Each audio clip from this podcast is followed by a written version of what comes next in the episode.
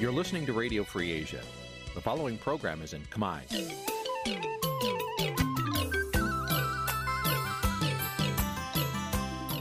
Nǐ chi càm bi tiệp xáy vệt chiu a zì sê ray នេះជាកម្មវិធីផ្សាយរបស់ Vithu Azisari ជាភាសាខ្មែរ វត្តឈូអាស៊ីសេរីសូមស្វាគមន៍លោកអ្នកនាងទាំងអស់ពីរដ្ឋធានី Washington នៃសហរដ្ឋអាមេរិក បាទប្រធានាធិបតីវ៉ាស៊ីនតោនខ្ញុំបាទទីនសាការីយ៉ាសូមជម្រាបសួរលោកនាងកញ្ញាទាំងអស់ជាទីមេត្រីខ្ញុំបាទសូមជូនកម្មវិធីផ្សាយសម្រាប់ប្រធានអង្គា4កើតខែមិញឆ្នាំថោះបញ្ញស័កពុទ្ធសករាជ2567ត្រូវនៅនឹងព្រឹកថ្ងៃទី13ខែកុម្ភៈគ្រិស្តសករាជ2024បាទជាដំបូងនេះសូមជម្រាបលោកនាងកញ្ញាស្ដាប់ព័ត៌មានប្រចាំថ្ងៃដែលមានមេត្តាដូចតទៅ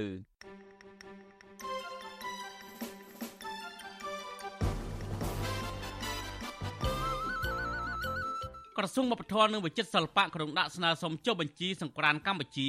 ក្នុងបញ្ជីបេតិកភណ្ឌពិភពលោករបស់អង្គការ UNESCO ក្មេងប្រុសម្នាក់ទៀតឆ្លងជំងឺផ្ដាសាយបាក់សីស្លាប់នៅខេត្តក្រចេះគ្រូសាររំពឹងថាស្លាវធម៌បាត់ដំបងនឹងដោះលែងលោកកងសរននៅសប្តាហ៍នេះ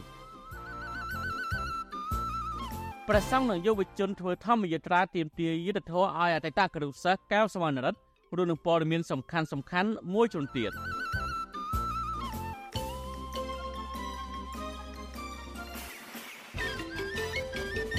បានលោកនាយទីមិត្តរីជាបន្តទៅនេះខ្ញុំបាទទីនសាការីយ៉ាសូមជូនព័ត៌មានពិស្ដាក្រសួងវប្បធម៌និងវិចិត្រសិល្បៈក្រុងដាក់ស្នើសុំចុះបញ្ជីសង្ក្រានកម្ពុជាដែលជាពិធីក្នុងពេលចូលឆ្នាំថ្មីប្រពៃណីខ្មែរនៅក្នុងបញ្ជីបេតិកភណ្ឌពិភពលោករបស់អង្គការ UNESCO លោកនាយរដ្ឋមន្ត្រីហ៊ុនម៉ាណែតអះអាងកាលពីថ្ងៃទី8កុម្ភៈថាគម្រោងស្នើសុំចុះបញ្ជីនេះដើម្បីកុំឲ្យមានការឈ្លោះទាស់តែងគ្នារវាងកម្ពុជានិងថៃនិងកុំបន្តយល់ច្រឡំបន្ថែមទៀតរវាងវប្បធម៌នៃប្រទេសទាំងពីរអ្នកនាំពាក្យក្រសួងវប្បធម៌និងវិចិត្រសិល្បៈលោកស៊ូម៉ាប់ប្រាប់សារព័ត៌មានភ្នំពេញប៉ុស្តិ៍ថា ក្រសួង បានរៀបចំបញ្ជីបំរុងដោយមានសង្ក្រានឆ្នាំថ្មីនៅក្នុងបញ្ជីសម្រាប់ស្នើសុំចុះបញ្ជីបេតិកភណ្ឌអរូបីរបស់មនុស្សជាតិអង្គការ UNESCO ដែរ លោកថាតាមនីតិវិធីការស្នើសុំចុះបញ្ជីអាចត្រូវការរយៈពេល2ឆ្នាំសម្រាប់បេតិកភណ្ឌអរូបីមួយមួយតើតើនៅរឿងនេះកាលពីខែធ្នូឆ្នាំ2023អង្គការ UNESCO បានទទួលស្គាល់និងចុះបញ្ជីសង្ក្រានថៃឬពិធីបុណ្យចូលឆ្នាំក្នុងប្រទេសថៃជាសម្បត្តិបេតិកភណ្ឌអរូបីមនុស្សជាតិក្នុងអំឡុងពេលប្រទេសថៃស្នើសុំចុះបញ្ជីសង្ក្រាននេះ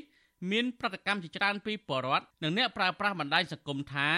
ដ្ឋាភិបាលកម្ពុជាយឺតយ៉ាវ ដែលបណ្ដាលបណ្ដោយឲ្យប្រទេសថៃចុះបញ្ជីវប្បធម៌ប្រពៃណីនេះបានមុនកម្ពុជាបានលោកយទីមិត្តរីងាកមកមើលលោកកងសារ៉នដែលកំពុងតែជាប់ពន្ធនាគារវិញក្រុមគ្រួសាររបស់លោកកនសរនដែលកំពុងតែជាប់ពន្ធនាគារដោយសាររឿងរិះគន់គណៈបកកណ្ដាលអំណាចអសមត្ថភាពទប់ស្កាត់លំហូរបរិវេណាមនៅកម្ពុជានោះពួកគេរំពឹងថាស្លាវធរបានដំបងនឹងផ្ដល់យុទ្ធធរឲ្យដោះលែងលោកឲ្យមានសេរីភាពឡើងវិញ ការលើកឡើងនេះធ្វើឡើងនៅមុនពេលស្លាវធរក្រុងប្រកាសសាលដីកាលើបណ្ដឹងចំទាស់របស់លោកកងសរននៅថ្ងៃទី15កុម្ភៈបាទសំលូនាងស្ដាប់សេចក្តីរាយការណ៍របស់លោកច័ន្ទដារ៉ូអំពីរឿងនេះប្រពន្ធរបស់លោកកងសរនគឺអ្នកស្រីហងត្រឹបប្រាប់វត្ថុអាស៊ីស្រីនៅថ្ងៃទី12ខែកុម្ភៈថាប្តីលោកស្រី នៅតែរក្សាស្មារតីនិងឆន្ទៈរឹងមាំដដែលក្នុងការស្វែងរកយុត្តិធម៌ហើយគាត់ សុកចិត្តស៊ូទ្រាំលំបាកនៅក្នុងពន្ធនាគារស្របពេលស្ថានភាពគ្រួសារក្រីក្រ និងជំពាក់បំណុលធនាគារលោកស្រីឲ្យដឹងថានៅក្នុងសវនាការកាលពីពេលថ្មីថ្មីនេះប្តីលោកស្រីគឺលោកកងសរន បានបញ្ជាក់នៅមុខតុលាការរួចហើយថាគាត់គឺជាមនុស្សស្អាតស្អំដោយពុំបានប្រព្រឹត្តខុសច្បាប់ដោយការចាប់ប្រកាន់របស់សាលាដំបងខេត្តបន្ទាយមានជ័យឡើយ ថាគាត់មិនខុសគាត់មិនបានដឹកនាំបោះបោបងប្អូនណាគាត់និយាយតែគាត់ថាតែខ្ញុំត្រូវប្តីខ្ញុំឆ្លាញ់ជាតិណាឆ្លាញ់ទឹកដីខ្មែរឆ្លាញ់ទឹកដីខ្មែរណាប្តីខ្ញុំនិយាយមនុស្សត្រឹមត្រូវអត់មាននិយាយផ្លោះផ្លៃនិយាយយកតែមកត្រឹមត្រូវទាំងអស់ចេះបោះហាបោះហូបបោះអីទេប្តីខ្ញុំនោះអត់ឈឺចាប់ណាបងមិនដឹងធ្វើម៉េចថ្ងៃចេះទៅមើលគេឃើញឯងទៅនឹកឃើញសក់មុខតែដល់យប់ឡើងម្នាក់ម៉ែកូនស្ងាត់ត្រេងចាប់ណាគាត់តែប្តីខ្ញុំនិយាយរឿងប្រោះឯងគេចាប់ប្តីខ្ញុំទៅដាក់ពន្ធនាគារមិនដឹងទៅធ្វើម៉េចស្រែកខ្ញុំអុយណាជួយគេមិនលឺដែរសំណើរបស់គ្រួសារនេះបន្ទាប់ពីក្រុមប្រឹក្សាជំនុំជម្រះនៃសាលាឧត្តរបាត់ដំបងបានបើកសវនាការជំនុំជម្រះក្នុងសំណុំរឿងរបស់លោកកងសរនកាលពីថ្ងៃទី5ខែកុម្ភៈហើយក្រុមប្រកាសសារដីកាលើបណ្ដឹងជំទាស់នេះ នៅថ្ងៃទី15ខែកុម្ភៈវុទ្ធុអាស៊ីសេរីមិនអាចតាក់ទងแนะនាំពាក្យសាឡាឧត្តរបាត់ដំបងអ្នកស្រីទៀងសម្បូរ ដើម្បីសាកសួរជុំវិញរឿងនេះបានទេនៅថ្ងៃទី12ខែកុម្ភៈជុំវិញរឿងនេះអ្នកសម្របសម្រួលអង្គការលីកាដូប្រចាំខេត្តបន្ទាយមានជ័យលោកផុនឈិន មានប្រសាសន៍ថាកន្លងមកតឡាការហាក់គ្មានផោះតាំងឬមមក្នុងការដាក់បន្ទុកចោតប្រកាន់លើលោកកងសរននោះទេដូច្នេះតឡាការជាន់ខ្ពស់គួរពិចារណាលើកលែងការចោតប្រកាន់និងដោះលែងគាត់នៅពេលខាងមុខ ដើម្បីវិលត្រឡប់ទៅដោះស្រាយបញ្ហាជីវភាពគ្រួសារនិងជាការលើកទឹកចិត្តដល់ប្រជាពលរដ្ឋបញ្ចេញមតិឬបង្ហាញកង្វល់នៅក្នុងសង្គមទាំងជា ក្នុងករណីការដែលគ្រាន់តែបុគ្គលម្នាក់គាត់បញ្ចេញទស្សនៈយោបល់ផ្ទាល់ខ្លួនគំនិតយល់ឃើញផ្ទាល់ខ្លួនហើយត្រូវបានចោទប្រកាន់ថាវាទៅជាបាត់ល្មើសហ្នឹងវាវាជាការធ្វើឲ្យប៉ះពាល់ទៅដល់សតិអារម្មណ៍របស់ប្រជាពលរដ្ឋទាំងអស់គាត់នឹងខ្លាចរអាមិនហ៊ានបញ្ចេញមតិនិយាយការពិតអំពីបញ្ហាសង្គមទេបាទលោកកងសរនរស់នៅភូមិបន្ទាយមួយឃុំទួលពងរស្រុកម៉ាឡៃខេត្តបន្ទាយមានជ័យ លោកត្រូវបានអាជ្ញាធរចាប់ខ្លួនដាក់ពន្ធនាគារកាលពីថ្ងៃទី25ខែវិច្ឆិកាឆ្នាំ2023បន្ទាប់ពីតឡាការខេត្តបន្ទាយមានជ័យផ្ដន់ទាទោសលោកដាក់ពន្ធនាគារចំនួន3ឆ្នាំពាក់ព័ន្ធទៅនឹងការបង្ហោះវីដេអូនៅលើ Facebook របស់លោកអំឡុងពេលធ្វើយុទ្ធនាការឃោសនាបោះឆ្នោតកាលពីខែកក្កដាឆ្នាំ2023នៅក្នុងវីដេអូផ្សាយផ្ទាល់នោះលោកបានចោទជាសំណួរថា តើក្រោយពេលបកប្រជាជនឈ្នះឆ្នោតនឹងមានវិធានការដេញពលរដ្ឋវៀតណាមចេញឬបន្តឲ្យហូរចូលដោយខុសច្បាប់បន្តទៀតលោកកងសរនកាលនៅមានសេរីភាពធ្លាប់ប្រាប់វិទ្យុអាស៊ីសេរីថាមូលហេតុដែលលោកបញ្ចេញមតិនៅលើបណ្ដាញសង្គមគឺលោកចង់បានសង្គមមានយុត្តិធម៌ព្រមទាំងចង់ឃើញមេដឹកនាំប្រទេសបើកលំហសិទ្ធិសេរីភាពជូនប្រជាពលរដ្ឋនិងស្ដារប្រជាធិបតេយ្យឡើងវិញខ្ញុំបាទ ច័ន្ទដារោវុទ្ធុអាស៊ីសេរីបានលោកនាងទីមេត្រីតកតងនឹងក្មេងប្រុសស្លាប់ជាបន្តបន្ទាប់ដោយសារតែជំងឺគ្រុនប្រសាយបាសីវិញក្មេងប្រុសម្នាក់ទៀតបានស្លាប់ដោយសារតែឆ្លងជំងឺប្រសាយបាសី H5N1 នៅភូមិកពោមួយសង្កាត់អូរិស័យក្រុងប្រជែកខេត្តក្រចេះកាលពីថ្ងៃទី11កុម្ភៈសេចក្តីប្រកាសព័ត៌មានរបស់ក្រសួងសុខាភិបាលចុះថ្ងៃទី12កុម្ភៈឲ្យដឹងថាក្មេងប្រុសដែលស្លាប់នេះមិនមានរោគសញ្ញាផ្លូវដង្ហើមទេ នឹងត្រូវជាបងបង្កើតរបស់ក្មេងប្រុសម្នាក់ដែលបានស្លាប់កាលពីថ្ងៃទី8កុម្ភៈដោយសារក្រុមដាសាយបាក់សីក្រសួងសុខាភិបាលអះអាងថាក្រសួងនិងអាជ្ញាធរពាក់ព័ន្ធកំពុងចោះស្រាវជ្រាវលើការឆ្លងជំងឺក្រុមដាសាយបាក់សីនេះហើយចាប់តាំងពីឆ្នាំ2005រហូតដល់ពេលនេះកម្ពុជាបានរកឃើញករណីជំងឺក្រុមដាសាយបាក់សីឆ្លងលើមនុស្សចំនួន60នាក់ហើយក្នុងនោះអ្នកស្លាប់មានចំនួន41នាក់ក្រសួងសុខាភិបាលក្រៅរំលឹកដល់ប្រជាពលរដ្ឋឲ្យប្រុងប្រយ័ត្នជានិច្ចចំពោះជំងឺផ្ដាសាយបាក់សី ពីព្រោះជំងឺនេះនៅតែបន្តគំរាមកំហែងដល់សុខភាពប្រជាពលរដ្ឋដើម្បីបង្ការជំងឺនេះក្រសួងណែនាំឲ្យប្រជាពលរដ្ឋលាងដៃជាមួយសាប៊ូមុនពេលបរិភោគអាហារនិងក្រោយពីប៉ះពាល់បាក់សីដាក់កុមារនៅឆ្ងាយពីសត្វបាក់សីនិងដាក់សត្វបាក់សីនៅឆ្ងាយពីកន្លែងរស់នៅកុំបរិភោគសត្វបាក់សីឈឺឬងាប់ហើយរាល់បាក់សីដែលធ្វើសម្រាប់បរិភោគត្រូវចម្អិនឲ្យល្អ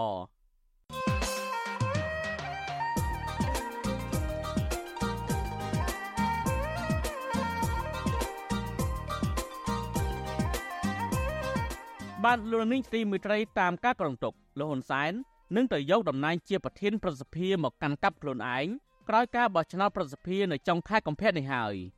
តំណែងប្រធានប្រសិទ្ធិនេះអាចផ្ដល់ឱកាសឲ្យលោកហ៊ុនសែនបានធ្វើជាប្រមុខរដ្ឋស្ដីទីក្នុងពេលព្រះរាជអវត្តមានរបស់ព្រះមហាក្សត្រផងដែរក៏ប៉ុន្តែតើទូនាទីជាប្រមុខរដ្ឋស្ដីទីនេះអាចធ្វើជាបានធានារ៉ាប់រង ជួយឲ្យលោកហ៊ុនសែនមានអភ័យអក្សិតជៀសផុតពីការប៉ុនប៉ងចាប់ខ្លួនលោកពីបទអក្រិតនានាពីសំណាក់តុលាការអាយក្រិចនៅក្រៅប្រទេសបានដែរឬទេមេបកប្រឆាំងលោកសំរងស៊ីអះអាងថាលោកហ៊ុនសែននឹងនៅតែប្រឈមមុខនឹងការចាប់ខ្លួនបានដដែលប្រសិនបើលោកហ៊ានធ្វើដំណើរទៅក្រៅប្រទេសទោះបីជាលោកទៅស្រវាយយកតំណែងប្រធានប្រសិទ្ធិនេះក៏ដោយបាទសូមអញ្ជើញលោកនាងត្រង់ចាំស្ដាប់កិច្ចពិភាក្សារវាងលោកជុនច័ន្ទបុត និងលោកសំរងស៊ីអំពីបញ្ហានេះក្នុងនីតិវិទ្យានៃស្ដាប់វិទ្យុអាស៊ីសេរីនារីត្រីថ្ងៃអង្គារនេះក៏មិនខានលោកអ្នកនាងអាចបញ្ចេញមតិឬសួរសំណួរដោយដាក់លេខទូរស័ព្ទរបស់លោកអ្នកនាង នៅក្នុងប្រអប់ខ្ទង់ comment នៃការផ្សាយផ្ទាល់របស់វិទ្យុអាស៊ីសេរីនៅលើបណ្ដាញសង្គម Facebook Telegram និង YouTube ក្រុមការងាររបស់យើងនឹងតាក់ទងទៅលោកនាងវិញ បាទសូមអរគុណ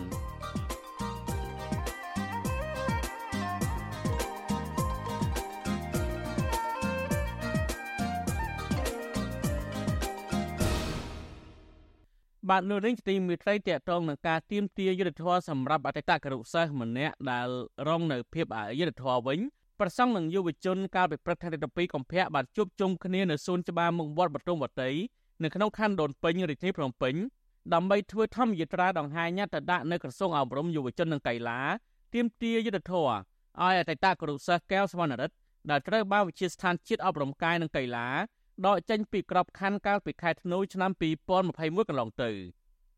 មន្ត្រីអង្គការសង្គមស៊ីវិលលើកឡើងថាក្រសួងអប់រំគួរតែបង្ហាញពីទំនួលខុសត្រូវរបស់ខ្លួនក្នុងការដោះស្រាយបញ្ហានេះ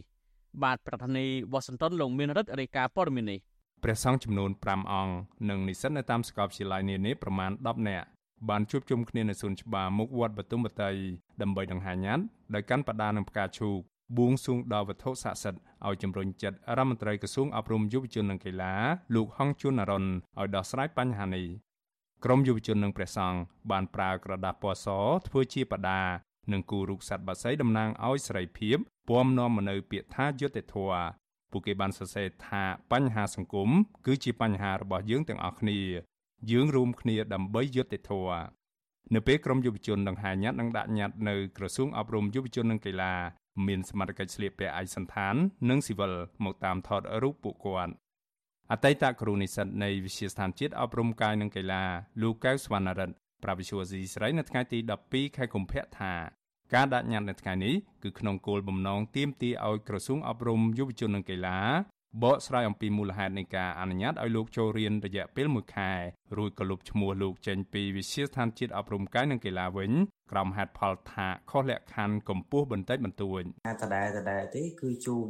ទៅខាងក្រសួងអប់រំសូមឲ្យអាដាមរដ្ឋមន្ត្រីមេត្តាឆ្លើយតបរកបញ្ហាដែលពួកខ្ញុំបានដាក់ចោទសួរដូចជាយុវជនដែលលើសអាយុមូលហេតុអីបានគាត់នៅបន្តការសិក្សាបានហើយមូលហេតុអីបានពួកខ្ញុំទាំង12នាក់ហ្នឹងបែរជាលុបឈ្មោះព្រោះតែលក្ខខណ្ឌបន្តិចបន្តួចប៉ុណ្ណឹងធ្វើឲ្យខូចសង្គមមែន ក្រមយុវជនឲ្យដឹងថាមានមន្ត្រីប្រចាំការនៃក្រសួងអប់រំយុវជននិងកីឡាបញ្ចេញមកទទួលញត្តិរបស់ពួកគាត់ហើយមន្ត្រីរូបនោះបញ្ជាក់ថាតាមនីតិវិធីរដ្ឋបាលលោកនឹងបញ្ជូនញត្តិនេះទៅកាន់រដ្ឋមន្ត្រីក្រសួងអប់រំយុវជននិងកីឡា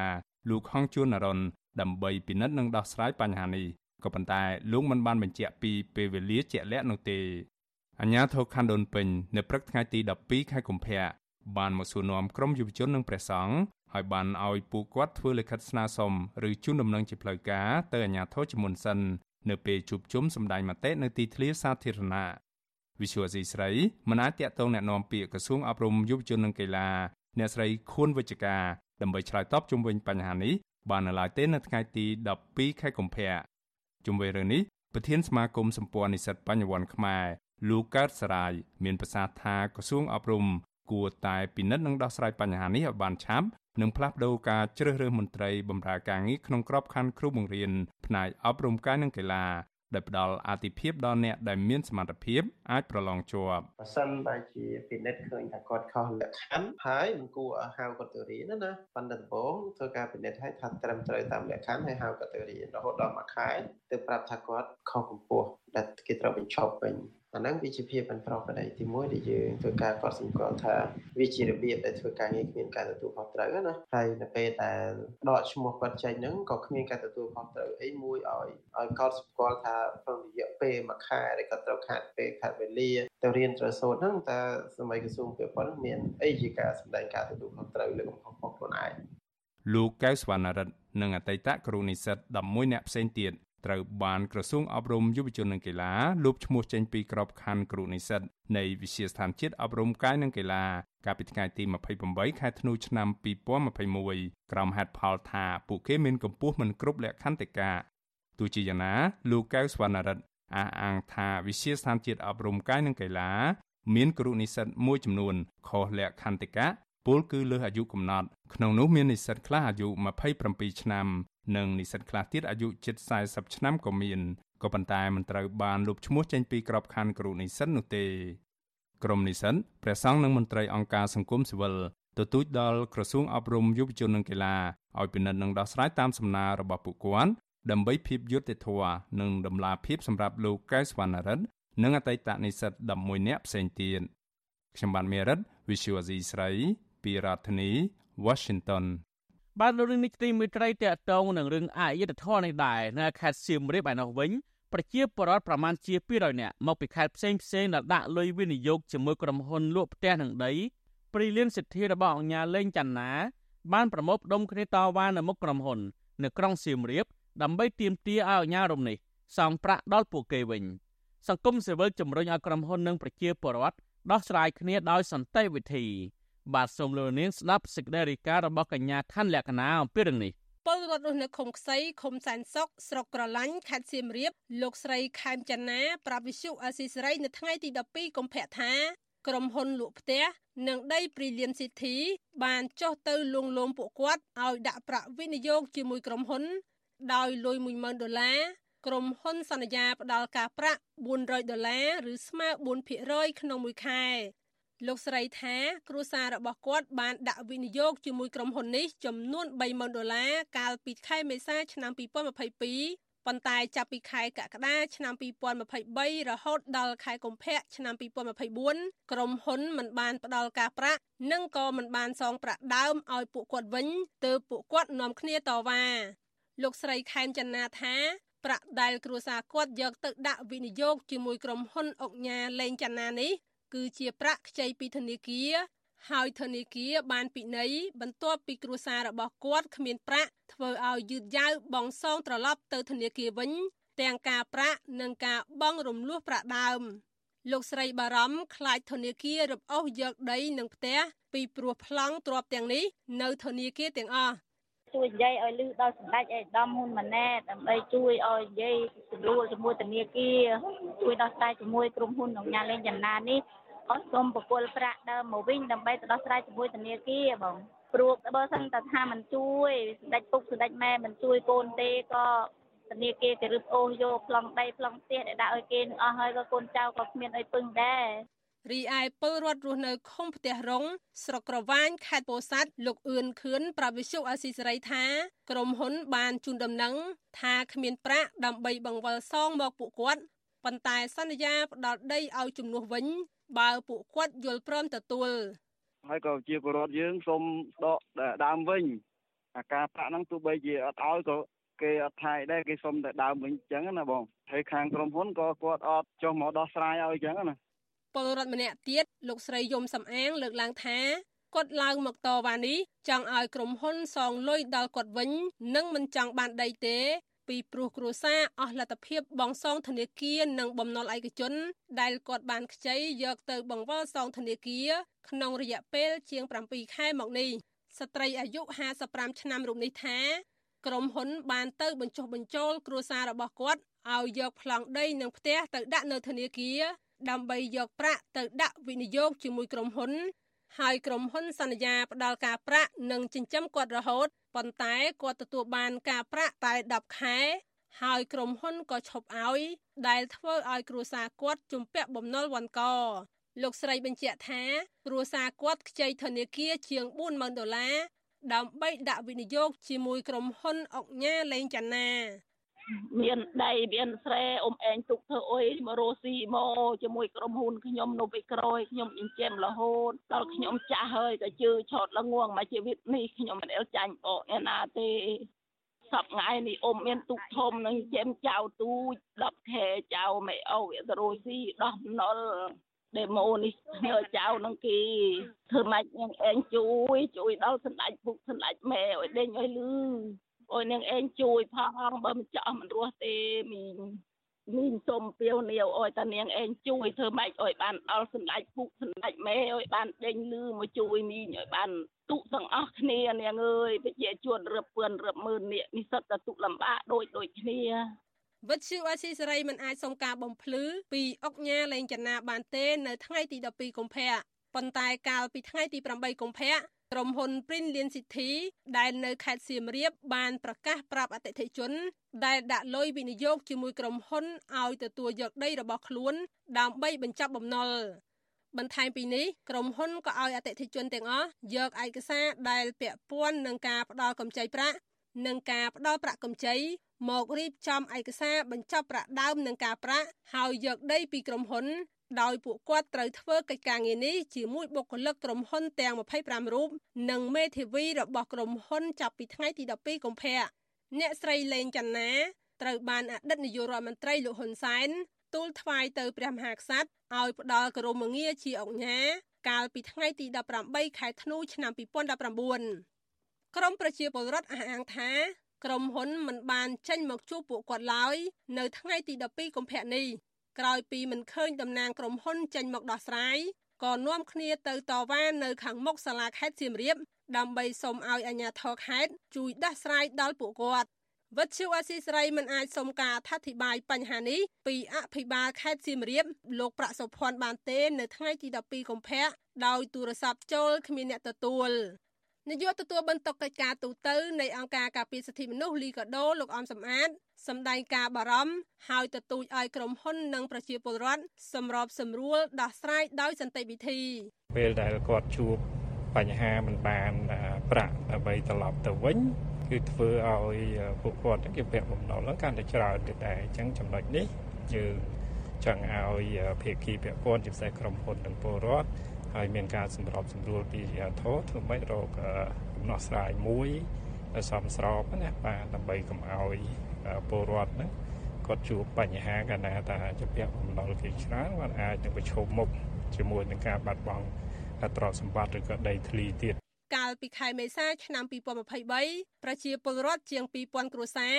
បានដាក់លុយវិនិយោគជាមួយក្រុមហ៊ុនអចលនទ្រព្យរបស់អង្គញាជាសរនបានតវ៉ានិងដាក់ពាក្យបណ្ដឹងទៅសមត្ថកិច្ចខេត្តកំពត ដោយចោទប្រកាន់អង្គញាជាសរនបោកយកប្រាក់របស់ពួកគេជិត40លានដុល្លារក្រោយទទួលបណ្ដឹងនេះសមត្ថកិច្ចខេត្តកំពត បានចាប់និងឃុំខ្លួនអង្គញាជាសរនប្រធានក្រុមហ៊ុនជាសរននិងបពពួកមួយចំនួនទៀតដាក់ពន្ធនាគារបណ្ដោះអាសន្នខណៈប្រជាពលរដ្ឋរងគ្រោះ នៅមិនទាន់ទទួលបានដំណោះស្រាយនៅឡើយស្រដៀងគ្នានេះដែរអង្គញាហ៊ីកំហុងដែលជាប់ពាក់ព័ន្ធករណីឆបោកពលរដ្ឋនៅខេត្តកំពតដែលដាក់ប្រាក់វិនិយោគរាប់លានដុល្លារក្នុងគម្រោងអចលនទ្រព្យត្រូវបានតុលាការដោះលែងឲ្យនៅក្រៅឃុំបណ្ដោះអាសន្នកាលពីខែវិច្ឆិកាឆ្នាំ2023ខ្ញុំខណ្ឌលក្ខណាវុទ្ធុអាស៊ីសេរី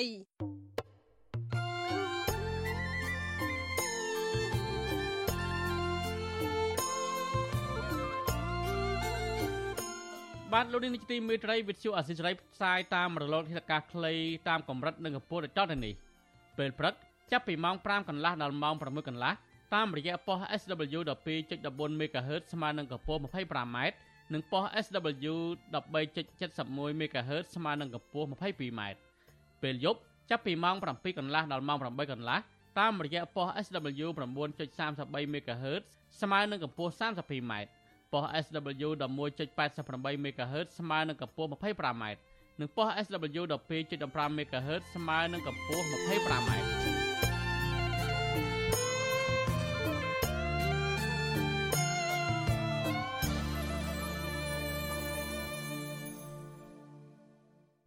បាទលោកនាងជាទីមេត្រីនៅខេត្តព្រះវិហារនៅវិញសហគមន៍ជនជាតិដើមភាគតិចគួយនៅខេត្តព្រះវិហារកំពុងតែរងគ្រោះដីធ្លីពីសំណាក់ក្រុមហ៊ុនចិនអះអាងថា បុគ្គលមានលុយមានអំណាចម្នាក់បន្តដាក់គ្រឿងចាក់ឈូសឆាយដីស្រែចម្ការនិងប្រើប្រាស់ហិង្សាលើបរដ្ឋនៅពេលដែលបរដ្ឋហាមឃាត់គ្រឿងចាក់មិនឲ្យឈូសឆាយមន្ត្រីសង្គមស៊ីវិលយល់ឃើញថាអាញាធមមិនគួរណាបណ្ដាលបណ្ដោយបញ្ហាចំនួនដីធ្លីនេះរហូតដល់មានអំពើហិង្សាបែបនេះនោះទេបាទសូមលោកនាងស្ដាប់សេចក្តីរាយការណ៍របស់លោកហុំចម្រើនពីរដ្ឋធានីវ៉ាស៊ីនតោន ជនជាតិដើមភាគតិចគួយជិត100នាក់រស់នៅឃុំមលូព្រៃ2ស្រុកឆែបខេត្តព្រះវិហារកាលពីថ្ងៃទី11ខែកុម្ភៈនាំគ្នាហាមឃាត់គ្រឿងចាក់មិនឲ្យឈូសឆាយដីស្រែចម្ការត្រូវបុគ្គលមានលុយមានអំណាចនិងបាក់ពួកព្រួតវាយបណ្ដាលឲ្យរងរបួសចំនួន3នាក់តំណាងជនជាតិដើមភាគតិចគួយខុំមលូព្រៃ2លោកសឿនថាប្រាប់វិទ្យុអាស៊ីសេរីនៅថ្ងៃទី12ខែកុម្ភៈថា បុគ្គលមានលុយមានអំណាចឈ្មោះឈៀងគង់នៅហៅម៉ៅនិងបាក់ពួកបន្តឈូសឆាយដីស្រែចម្ការរបស់ប្រជាសហគមន៍នឹងបានប្រើប្រាស់អំពើហិង្សាទៅលើសហគមន៍ខណៈពួកគេហាមឃាត់មិនឲ្យឈូសឆាយដី អាស្រ័យផលរបស់ពួកគេ លោកបន្ថែមថាអាញាធរនៅតែមិនព្រមចុះដោះស្រាយបញ្ហាដីធ្លីឲ្យសហគមន៍ហើយបន្តឲ្យពលរដ្ឋមកពីខេត្តផ្សេងចូលឈូសឆាយដីស្រែចម្ការរបស់ប្រជាសហគមន៍ ជនជាតិដើមភាគតិចដដែល។ថាវាជារឿងមួយដែលវាអាចយុត្តិធម៌មែនទែនអាចនឹងមានអ្នកនៅពីក្រោយខ្នងបានប្រហែលលើកប្រហែលសារហើយមិនឃើញមានអាជ្ញាធរខេត្តអីចុះមកអន្តរាគមដល់ពេលឲ្យពួកគាត់មកបំពេញមួយយើងឲ្យបែរជាប្រើអំពើសាមលើពួកយើងទៀតខ្ញុំគិតថាវាជារឿងមួយដែលអាចយុត្តិធម៌សម្រាប់ជនជាតិដើមមែនទែនមានទាំងអ្នកចំនួនស្រុកមកធ្វើនៅក្នុងស្រុកនៅខ្លួនឯងហើយបែរជាមកវាយដំត្រាំធាក់អ្នកពូអ្នកស្រុកឲ្យមានដល់រហូតដល់មានរបួសវិទ្យុអាស៊ីសេរីមិនអាចតាក់ទងសូមការបំភ្លឺរឿងនេះពីអភិបាលស្រុកឆែប លោកឡង់សុបិននិងអភិបាលខេត្តព្រះវិហារលោកគឹមរិទ្ធីបាននៅឡើយទេនៅថ្ងៃទី12ខែកុម្ភៈដោយទូរស័ព្ទចូលតែគ្មានអ្នកទទួលទោះជាយ៉ាងណា សហគមន៍អះអាងថានេះមិនមែនជាលើកទី1ទេដែលលោកឈៀងគង់នៅហៅម៉ៅនិងបាក់ពួកប្រើប្រាស់អំពើហិង្សាទៅលើប្រជាសហគមន៍នៅពេលដែលពួកគេហាមឃាត់មិនឲ្យឈូសឆាយដីស្រែចម្ការរបស់ពួកគេ សហគមន៍ទទូចឲ្យអាជ្ញាធរខេត្តព្រះវិហារជួយរកដំណោះស្រាយឲ្យបានឆាប់ដើម្បីជៀសវាង មានអំពើហិង្សាទៅលើប្រជាសហគមន៍បន្តទៀតជុំវិញរឿងនេះនាយកប្រតិបត្តិអង្គការពន្លកខ្មែរលោកពឹកសុផុនយល់ឃើញថាអាញាធរមិនគួរអូសបន្លាយវិវាទដីធ្លីនេះឲ្យយូររ៉ាំរ៉ៃរហូតដល់មានអំពើហិង្សាទៅលើប្រជាពលរដ្ឋបែបនេះនោះទេលោកបន្ថែមថាអាញាធរគួរតែចេញមុខដោះស្រាយ និងស្វែងរកជនបង្កហិង្សាយកទៅអនុវត្តតាមច្បាប់ ដើម្បីរកយុត្តិធម៌ឲ្យពលរដ្ឋរងគ្រោះបើពុំដូច្នោះទេអាជ្ញាធរនឹងខូចគេឈ្មោះជាក់ជាមិនខានអញ្ចឹងទៅអាជ្ញាធរត្រូវតែមានវិធានការដោះស្រាយឲ្យមានយុត្តិធម៌សម្រាប់សហគមន៍ហើយបើមិនអញ្ចឹងទេអំពើអយុត្តិធម៌វាកាន់តែមានឡើងហើយរូបភាពនឹងអាក្រក់ទៅដល់អាជ្ញាធរខ្លួនឯងនឹងទៀតសោតកាលពីថ្ងៃទី25ធ្នូឆ្នាំ2023 សេចក្តីប្រកាសដែលចុះហត្ថលេខាដោយអភិបាលស្រុកឆែបលោកឡង់សបិន បានហាមឃាត់ប្រជាពលរដ្ឋចំនួន17ភូមិមកពី6ឃុំមិនឲ្យចូលទៅឈូសឆាយឬភ្ជួរដីធ្វើស្រែចម្ការក្នុងបរិវេណក្រុមហ៊ុនរយហ្វេងដែលស្ថិតនៅក្នុងស្រុកឆែបខេត្តព្រះវិហារនោះទេទោះជាយ៉ាងនេះក្តីអាជ្ញាធរហាមឃាត់តែពលរដ្ឋមានវិវាទដីធ្លីជាមួយក្រុមហ៊ុនចិនតែប៉ុណ្ណោះចំណែកពលរដ្ឋចំណាក់ស្រុកនិងអ្នកមានលុយមានអំណាច អាចចូលទៅធ្វើស្រែចម្ការដោយសេរីទៅវិញខ្ញុំបាទហុំចម្រើនវិទ្យុអាស៊ីសេរីពីរដ្ឋធានី Washington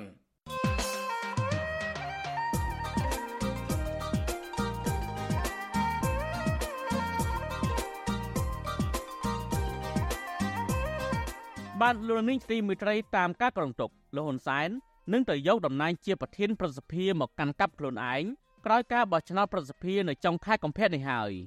តំណែងប្រធានប្រសិទ្ធិនេះអាចផ្ដល់ឱកាសឲ្យលោកហ៊ុនសែនបានធ្វើជាប្រមុខរដ្ឋស្ដីទីក្នុងពេលព្រះរាជអវត្តមានរបស់ព្រះមហាក្សត្រផងដែរក៏ប៉ុន្តែតើទូនាទីជាប្រមុខរដ្ឋស្ដីទីនេះអាចធ្វើជាបានធានារ៉ាប់រងជួយឲ្យលោកហ៊ុនសែនមានអភ័យឯកសិទ្ធិជៀសផុតពីការប៉ុនប៉ងចាប់ខ្លួនលោកពីបទអក្រិតនានាពីសំណាក់តុលាការអាយក្រិចនៅក្រៅប្រទេសបានដែរឬទេមេបកប្រឆាំងលោកសំរងស៊ីអះអាងថាលោកហ៊ុនសែន នឹងនៅតែប្រឈមមុខនឹងការចាប់ខ្លួនបានដដែលប្រសិនបើលោកហ៊ានធ្វើដំណើរទៅក្រៅប្រទេសទោះបីជាលោកទៅស្រាវយកតំណែងប្រធានប្រសិទ្ធិនេះក៏ដោយបាទសូមអញ្ជើញលោកនាងត្រង់ចាំស្ដាប់កិច្ចពិភាក្សារវាងលោកជុនច័ន្ទបុតនិងលោកសំរងស៊ីអំពីបញ្ហានេះក្នុងនេតិវិទ្យានៃស្ដាប់វិទ្យុអាស៊ីសេរីនារីត្រីថ្ងៃអង្គារនេះក៏មិនខានលោកនាងអាចបញ្ចេញមតិឬសួរសំណួរដោយដាក់លេខទូរស័ព្ទរបស់លោកនាង នៅក្នុងប្រអប់ខ្ទង់ comment នៃការផ្សាយផ្ទាល់របស់វិទ្យុអាស៊ីសេរីនៅលើបណ្ដាញសង្គម Facebook Telegram និង YouTube ក្រុមការងាររបស់យើងនឹងតាក់ទងទៅលោកនាងវិញ បាទសូមអរគុណ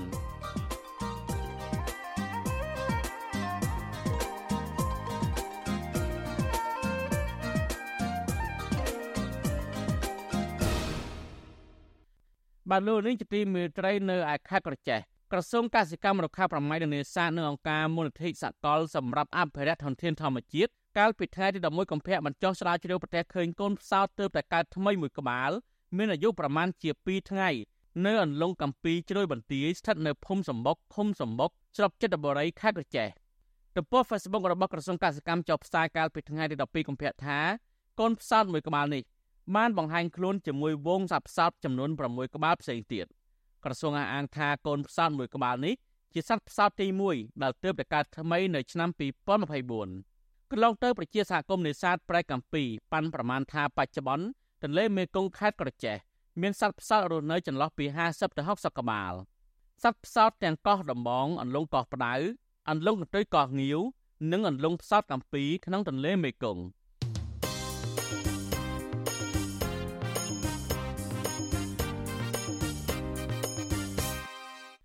បានលោកនាងទីមិត្តរីតកតងនឹងការដាំដុះកូនឈើវិញប្រជាសហគមន៍ប្រៃឈើនិងសកម្មជនបរិស្ថានលើកឡើងថាការចែកកូនឈើឲ្យប្រជាពលរដ្ឋដាំដុះនឹងមិនអាចបង្កើនគម្របប្រៃឈើដោយមានប្រសិទ្ធភាពនោះឡើយដរាបណាប្រៃឈើដែលមានស្រាប់នៅតែបន្តកាប់បំផ្លាញនិងទន្ទ្រានយកធ្វើជាដីកម្មសិទ្ធិផ្ទាល់ខ្លួន ការលើកឡើងនេះក្រោយពីក្រសួងបរិស្ថានប្រកាសថានឹងអាចបណ្ដោះកូនឈើបានជាង1លានដើម ដើម្បីចែកដល់ប្រជាពលរដ្ឋនៅឆ្នាំ2024ប្រជាសហគមន៍ប្រៃឈើនិងសកម្មជនបរិស្ថាន លើកឡើងប្រហាក់ប្រហែលគ្នាថាដើម្បីបង្កើនគម្របប្រៃឈើក្រសួងបរិស្ថានគួរតែបញ្ឈប់សកម្មភាពសម្បទានដីអូសឈានជាតិឲ្យក្រុមហ៊ុន ឬបុគ្គលឯកជនជាជាងចែកកូនឈើឲ្យប្រជាពលរដ្ឋដាំដុះនៅសម្រាប់សម្រួលបណ្ដាញប្រៃឡង់ខេត្តកំពង់ធំលោកហ៊ឿនសុភីបប្រាប់វិទ្យុអាស៊ីសេរីនៅថ្ងៃទី12កុម្ភៈថា លោកគាំទ្រចំពោះសកម្មភាពចែកកូនឈើរបស់ក្រសួងបរិស្ថានប៉ុន្តែលោកយល់ថាយន្តការចែកកូនឈើនេះនឹងមិនអាចបង្កើនគម្របព្រៃឈើបាននោះឡើយខណៈព្រៃឈើដែលមានស្រាប់នៅតែបន្តរងការកាប់បំផ្លាញនិងទន្ទ្រានយកដីធ្វើជាកម្មសិទ្ធិផ្ទាល់ខ្លួននោះលោកបន្តថាបើទោះបីជាក្រសួងបរិស្ថានដាំដើមឈើឡើងវិញក្តីក៏កូនឈើភាគច្រើនមិនអាចដុះលូតលាស់បានល្អដោយព្រៃធម្មជាតិនោះឡើយ។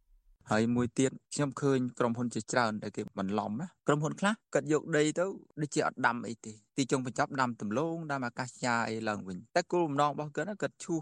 ដីព្រៃហើយនាំឈើចាញ់រាប់ម៉ឺនរាប់សែនរាប់លានរយលានម៉ែត្រគីបចេញទៅក្រៅហើយផ្ទៃដីក៏ថាដាំកស៊ូដំណាំកសិឧស្សាហកម្មអីផ្សេងៗប៉ុន្តែទីចុងបញ្ចប់គឺយើងអាចបានឃើញក្រុមហ៊ុននោះដាំអីទេការលើកឡើងរបស់ប្រជាសហគមន៍ការពារប្រៃឈើរំនេះបន្ទាប់ពីក្រសួងបរិស្ថាន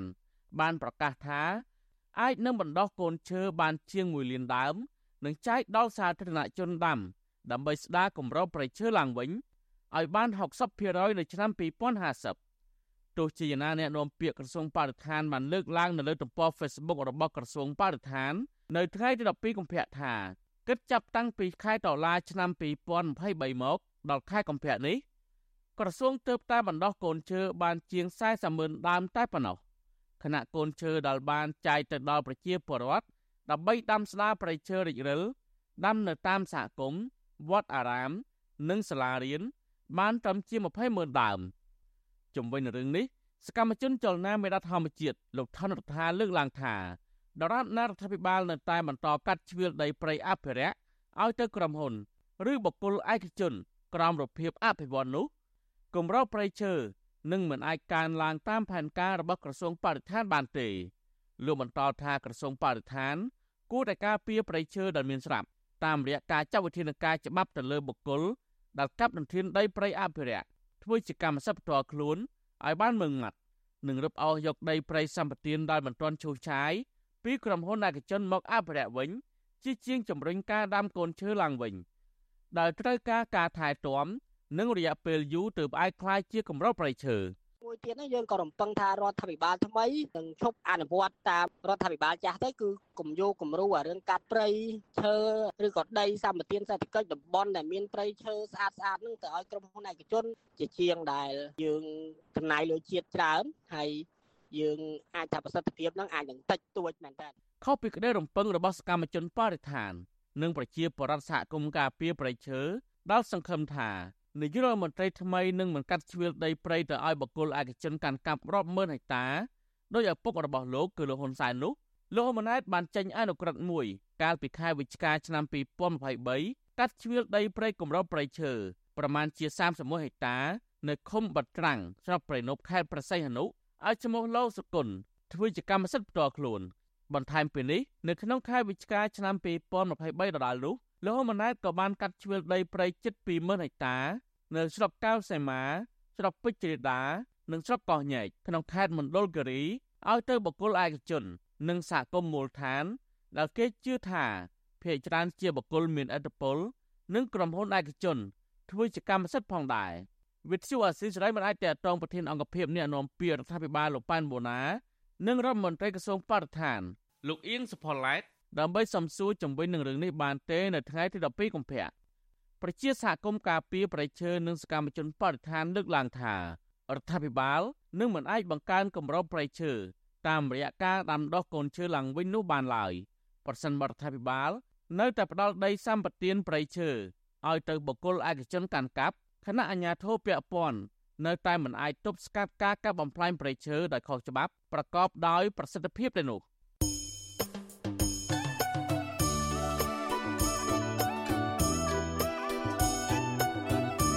នាយកទីមេត្រីក្នុងឱកាសនេះដែរខ្ញុំបាទសូមថ្លែងអំណរគុណដល់លោកនាងកញ្ញាទាំងអស់ដែលតែងតែមានភក្ដីភាពចំពោះការផ្សាយរបស់យើងហើយចាត់ទុកការស្ដាប់វិទ្យុអាស៊ីរីជាផ្នែកមួយនៃសកម្មភាពប្រចាំថ្ងៃរបស់លោកនាងការគ្រប់គ្រងរបស់លោកនាងនេះហើយដែលធ្វើឲ្យយើងខ្ញុំមានទឹកចិត្តកាន់តែខ្លាំងថែមទៀតក្នុងការស្វែងរកនិងផ្តល់ព័ត៌មានជូនលោកនាងមានអ្នកស្ដាប់មានអ្នកទស្សនាកាន់តែច្រើនកាន់តែធ្វើឲ្យយើងខ្ញុំមានភាពស្វាហាប់មោះមុតជាបន្តទៅទៀតយើងខ្ញុំសូមអរគុណទុកជាមុន ហើយសូមអញ្ជើញលោកនាងកញ្ញាចូលរួមជំរុញឲ្យសកម្មភាពផ្តល់ព័ត៌មានរបស់យើងនេះកាន់តែជោគជ័យបន្ថែមទៀតលោកនាងអាចជួយយើងខ្ញុំបានដោយគ្រាន់តែចុចចែករំលែកឬ share ការផ្សាយរបស់យើងនៅលើបណ្ដាញសង្គម Facebook និង YouTube ទៅកាន់មិត្តភ័ក្តិដើម្បីឲ្យការផ្សាយរបស់យើងបានទៅដល់មនុស្សកាន់តែច្រើន សូមអរគុណ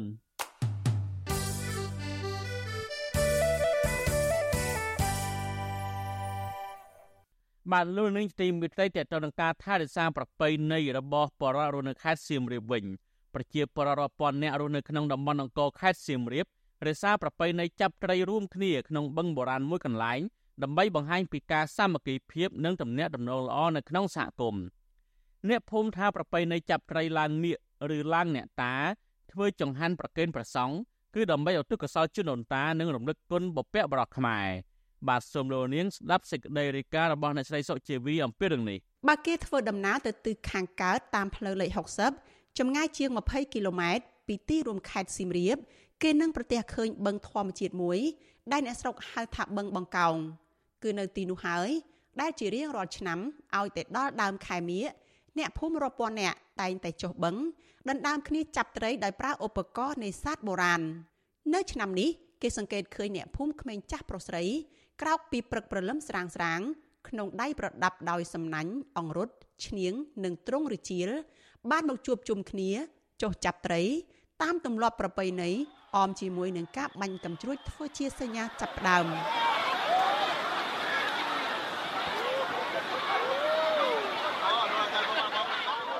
អ្នកភូមិទាំងនោះរស់នៅក្នុងភូមិបង្កោងឃុំអំពិលស្រុកប្រាសាទបកងពួកគេតែងប្រារព្ធពិធីឡើងមៀក ឬឡើងអ្នកតាជារៀងរាល់ឆ្នាំនៅដើមខែមៀកឬនៅក្នុងខែកុម្ភៈអ្នកស្រុកអង្គររាប់ពាន់នាក់នេះនៅព្រឹកថ្ងៃទី11ខែកុម្ភៈបានរួមគ្នាចុះចាប់ត្រីនៅក្នុងបឹងដើម្បីធ្វើជាម្ហូបអាហារនិងចង្ហាន់ប្រគេនព្រះសង្ឃសម្រាប់ថ្ងៃឡើងមៀកឬឡើងអ្នកតាដែលពួកគាត់ចាត់ទុកថាជាប្រពៃណីទំនៀមទម្លាប់បន្សល់ពីដូនតា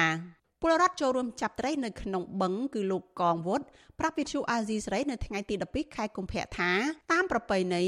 អ្នកភូមិមានពូនភ្នំស្រូវដើម្បីថ្វាយអ្នកតាម្ចាស់ទឹកម្ចាស់ដី និងរំលឹកគុណគោក្របីដែលកសិករប្រើប្រាស់សម្រាប់ធ្វើកសិកម្មចិញ្ចឹមជីវិតលោកថាត្រីដែលអ្នកភូមិនេសាទបាននឹងយកទៅធ្វើម្ហូបអាហារតាមគ្រួសាររៀងៗខ្លួនប៉ុន្តែត្រីដែលចាប់នៅក្នុងសម្រាសនៅក្នុងបឹងនេះចំនួនរាប់រយគីឡូក្រាមពួកគាត់នឹងយកទៅប្រើប្រាស់សម្រាប់ផ្គត់ផ្គង់ពិធីបុណ្យឡើងអ្នកតាឬឡើងមៀក យកថវិកាពីបងប្អូននឹងពិបាកទៅទិញត្រីទិញសាច់ទេ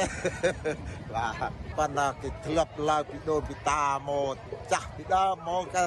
ទៅតែចេះឯងត្រូវតែយើងច្រូតកាត់រួចយកស្រូវមកពូនភ្នំស្រូវទៅថ្វាយដល់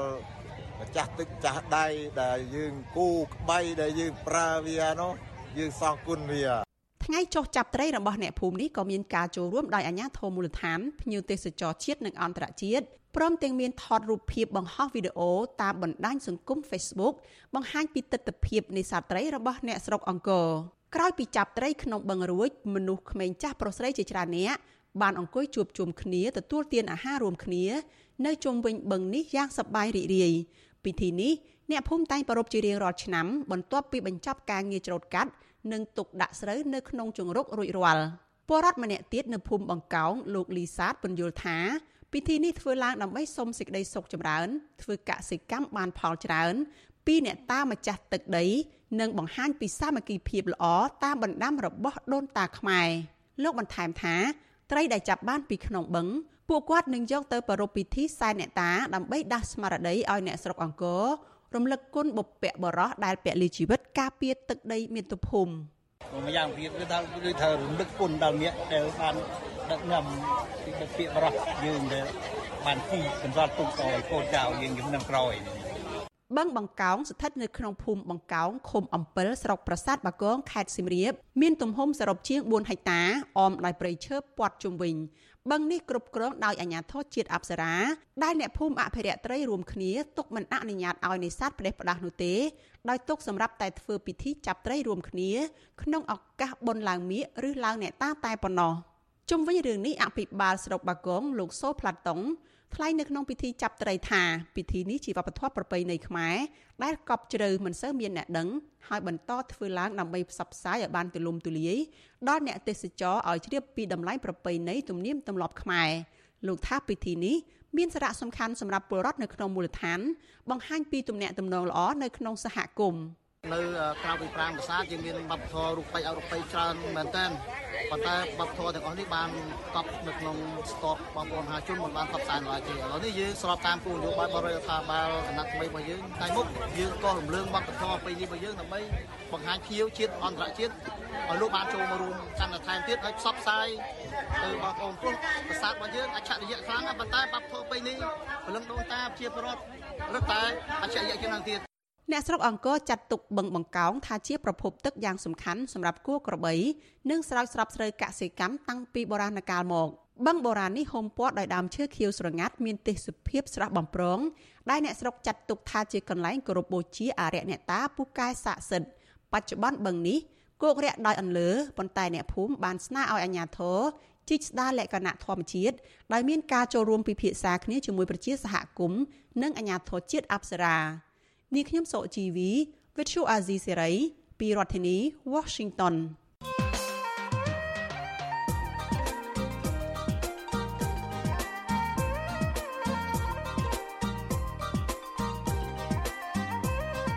បានលោកនាងទីមួយត្រីតាមការក្រងទុកលោកហ៊ុនសែននឹងទៅយកតំណែងជាប្រធានប្រសិទ្ធិមកកាន់កាប់ខ្លួនឯងក្រោយការបោះឆ្នោតប្រសិទ្ធិនៅចុងខែកុម្ភៈនេះហើយតំណែងប្រធានប្រសិទ្ធិនេះអាចផ្ដល់ឱកាសឲ្យលោកហ៊ុនសែន បានធ្វើជាប្រមុខរដ្ឋស្ដីទីក្នុងពេលព្រះរាជអវត្តមានរបស់ព្រះមហាក្សត្រផងដែរក៏ប៉ុន្តែតើទូនាទីជាប្រមុខរដ្ឋស្ដីទីនេះអាចធ្វើជាបានធានារ៉ាប់រងជួយឲ្យលោកហ៊ុនសែនមានអភ័យអក្សិតជៀសផុតពីការប៉ុនប៉ងចាប់ខ្លួនលោកពីបទអក្រិតនានាពីសំណាក់តុលាការអាយក្រិចនៅក្រៅប្រទេសបានដែរឬទេមេបកប្រឆាំងលោកសំរងស៊ីអះអាងថាលោកហ៊ុនសែននឹងនៅតែប្រឈមមុខនឹងការចាប់ខ្លួនបានដដែលប្រសិនបើលោក ហ៊ានធ្វើដំណើរទៅក្រៅប្រទេសទោះបីជាលោកទៅស្រាវយកតំណែងប្រធានប្រសិទ្ធិនេះក៏ដោយបាទសូមអញ្ជើញលោកនាងក្នុងចាំស្ដាប់កិច្ចពិភាក្សារវាងលោកជិនច័ន្ទបុតនិងលោកសំរងស៊ីអំពីបញ្ហានេះក្នុងនេតិវិទ្យានៃស្ដាប់វិទ្យុអាស៊ីសេរីនារីត្រីថ្ងៃអង្គារនេះក៏មិនខានលោកនាងអាចបញ្ចេញមតិឬសួរសំណួរដោយដាក់លេខទូរស័ព្ទរបស់លោកនាងនៅក្នុងប្រអប់ខ្ទង់ comment នៃការផ្សាយផ្ទាល់របស់វិទ្យុអាស៊ីសេរីនៅលើបណ្ដាញសង្គម Facebook Telegram និង YouTube ក្រុមការងាររបស់យើងនឹងតាក់ទងទៅលោកនាងវិញ បាទសូមអរគុណ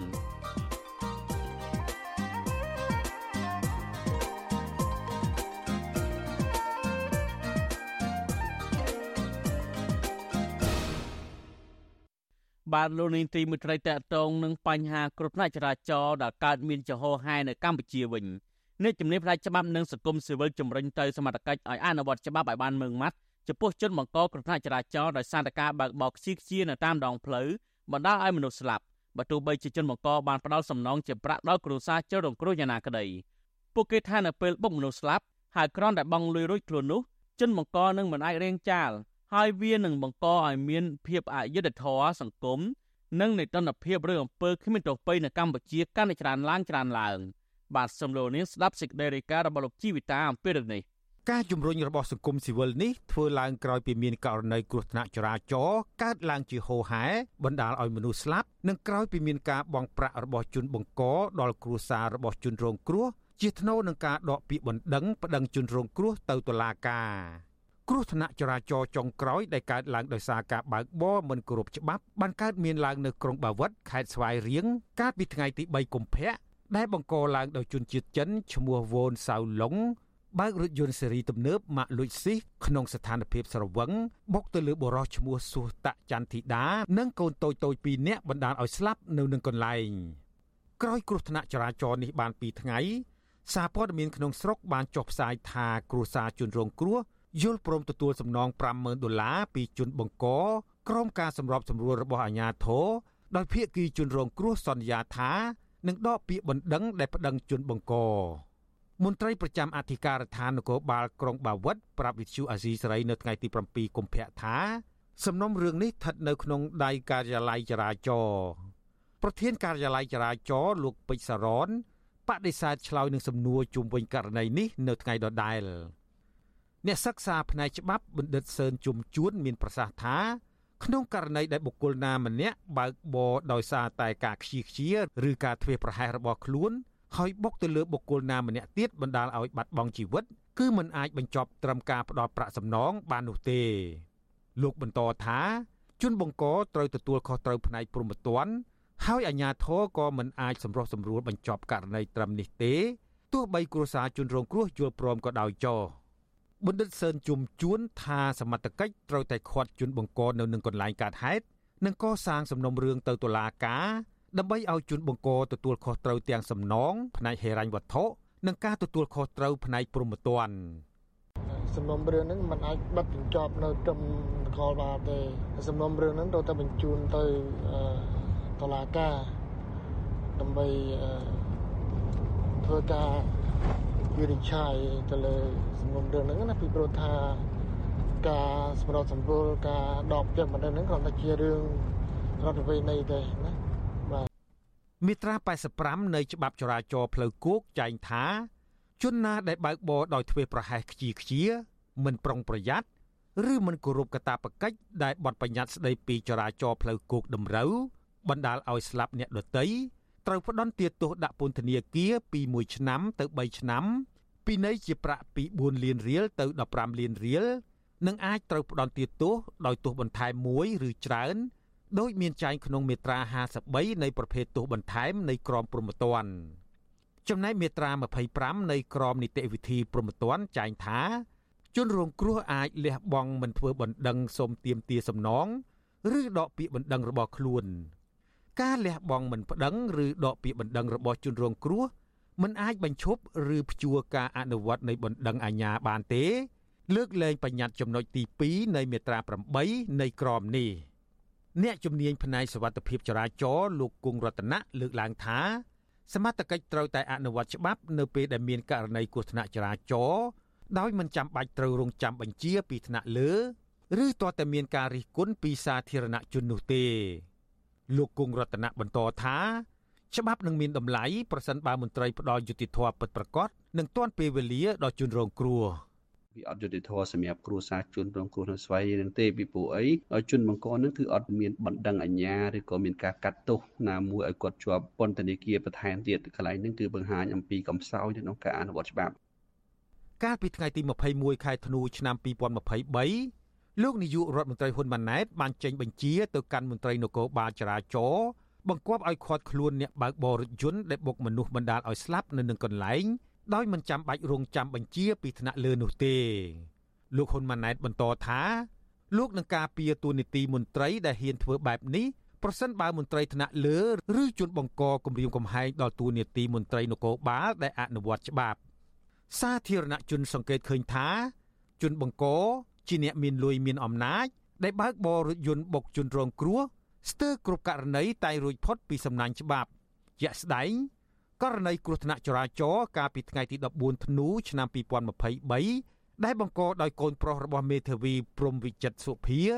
ដែលបានបើកឡានប្រណាំងជាមួយឡានផ្សេងទៀតបានជ្រុលទៅបុកកីឡាករវាយសីថ្នាក់ជាតិលោកសៀងកំហុងបណ្ដាលឲ្យស្លាប់ហើយជនបង្កបានរត់គេចខ្លួន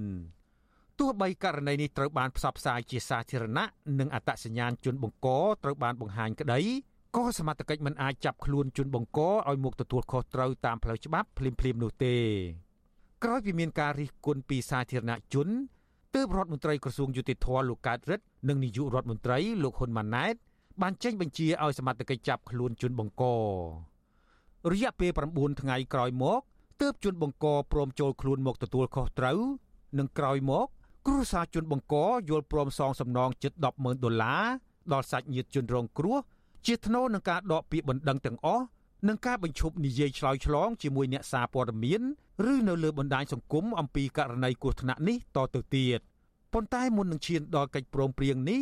ម្ដាយភៀកគីជនបង្កបានដាក់ពាក្យបណ្ដឹងប្តឹងសាច់ញាតិជនរងគ្រោះទៅតុលាការពីបទបរិហាកេរហូតទាល់តែមានប្រតិកម្មរិះគន់ជាច្រើនពីសាធារណជនទើបម្ដាយជនបង្កយល់ព្រមដកពាក្យបណ្ដឹងវិញហើយបន្ទាប់មក ក៏ឈានដល់ការផ្ដាល់សំណងដល់គ្រួសារជនរងគ្រោះប្រធានមជ្ឈមណ្ឌលប្រជាពលរដ្ឋដើម្បីអភិវឌ្ឍនិងសន្តិភាពលោកយងកឹមអេងក៏សម្គាល់ឃើញថាការដោះស្រាយរបស់សមត្ថកិច្ចលើសំណុំរឿងគ្រោះថ្នាក់ចរាចរណ៍មានភាពខុសៗគ្នា ដោយអាស្រ័យលើការរិះគន់របស់សាធារណជនឬទៅតាមស្ថានភាពគ្រួសារជនរងគ្រោះលោកយងកំឯងបន្តថាប្រសិនបើគ្រួសារជនរងគ្រោះជាអ្នកមានលុយមានអំណាចដែរ នោះពួកគាត់អាចនឹងទទួលបានយុត្តិធម៌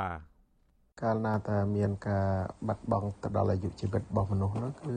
ចាំបាច់ណាស់ដែលអាជ្ញាធរមានសមត្ថកិច្ចគ្រប់លំដាប់ថ្នាក់រួមទាំងតឡាការនឹងត្រូវតែរកឲ្យឃើញថាបញ្ហានឹងមកពីស្អីហើយអ្នកប្រព្រឹត្តនឹងជាអ្នកណាបាទត្រូវតែរករកគាត់យកមកផ្ដន់ទាទោសបាទមិនអាចឲ្យគាត់នៅក្រៅសំណាញ់ច្បាប់ចឹងទេបាទហើយដើម្បីឲ្យ ជនរងគ្រោះនោះគ្នាទទួលបាននៅយុត្តិធម៌ដែរបាទតាក់ទងនឹងអ្នកបើកបរបើកបុកគេហើយរត់គេចនេះកាលពីឆ្នាំ2013រថយន្តរបស់អនុប្រធានទី1រដ្ឋសភាលោកជាមយាបបានបើកបុកម៉ូតូមួយគ្រឿងនៅស្រុកគៀនស្វាយខេត្តកណ្ដាលបណ្ដាលឲ្យបរិសុទ្ធជាប្តីរងរបួសធ្ងន់និងប្រពន្ធដែលមានផ្ទៃពោះ2ខែស្លាប់គ្រួសារជនរងគ្រោះបានឲ្យដឹងថា ចាប់ពីថ្ងៃមានគ្រោះថ្នាក់នោះមក លោកជាមយាបបានផ្ដល់សំណងចំនួនជាង3000ដុល្លារចំពោះករណីនេះតំណាងរាជគណៈបកកណ្ដាលអំណាចរូបនេះមិនដែលត្រូវបានចាប់បង្ខំឲ្យទទួលខុសត្រូវផ្នែកព្រហ្មទណ្ឌសោះឡើយខ្ញុំជីវិតាអាស៊ីសេរីបានលោកនាងទីមិត្តរីតកតងនឹងបរដ្ឋខ្មែរធ្វើចំណាកស្រុកនៅក្រៅប្រទេសវិញក្រសួងការងារនិងបណ្ដុះបណ្ដាលវិជ្ជាជីវៈបង្ហាញមោទនភាពថាក្នុងឆ្នាំ2023ក្រុមពលករកម្ពុជាជាង1លាន3សែននាក់ ដែលកំពុងតែធ្វើការនៅក្រៅប្រទេសមិនត្រឹមតែបានផ្ញើប្រាក់ចំនួន2800លានដុល្លារមកឲ្យគ្រួសារនៅស្រុកកំណើតប៉ុណ្ណោះទេគឺពលករទាំងនោះក៏នឹងទទួលបានជំនាញបច្ចេកទេសសម្រាប់យកមកជួយអភិវឌ្ឍសង្គមជាតិនៅពេលវិលមកកម្ពុជាវិញទៀតផងបាទសូមលោកនាងស្ដាប់សេចក្តីរាយការណ៍របស់លោកយ៉ងច័ន្ទរាអំពីរឿងនេះក្រមសហជីពជំរុញរដ្ឋាភិបាលកម្ពុជា ជាពិសេសក្រសួងការងារនិងបណ្ដុះបណ្ដាលវិជ្ជាជីវៈគួរតែបង្កើនប្រសិទ្ធភាពផ្លូវច្បាប់ជាមួយប្រទេសនានា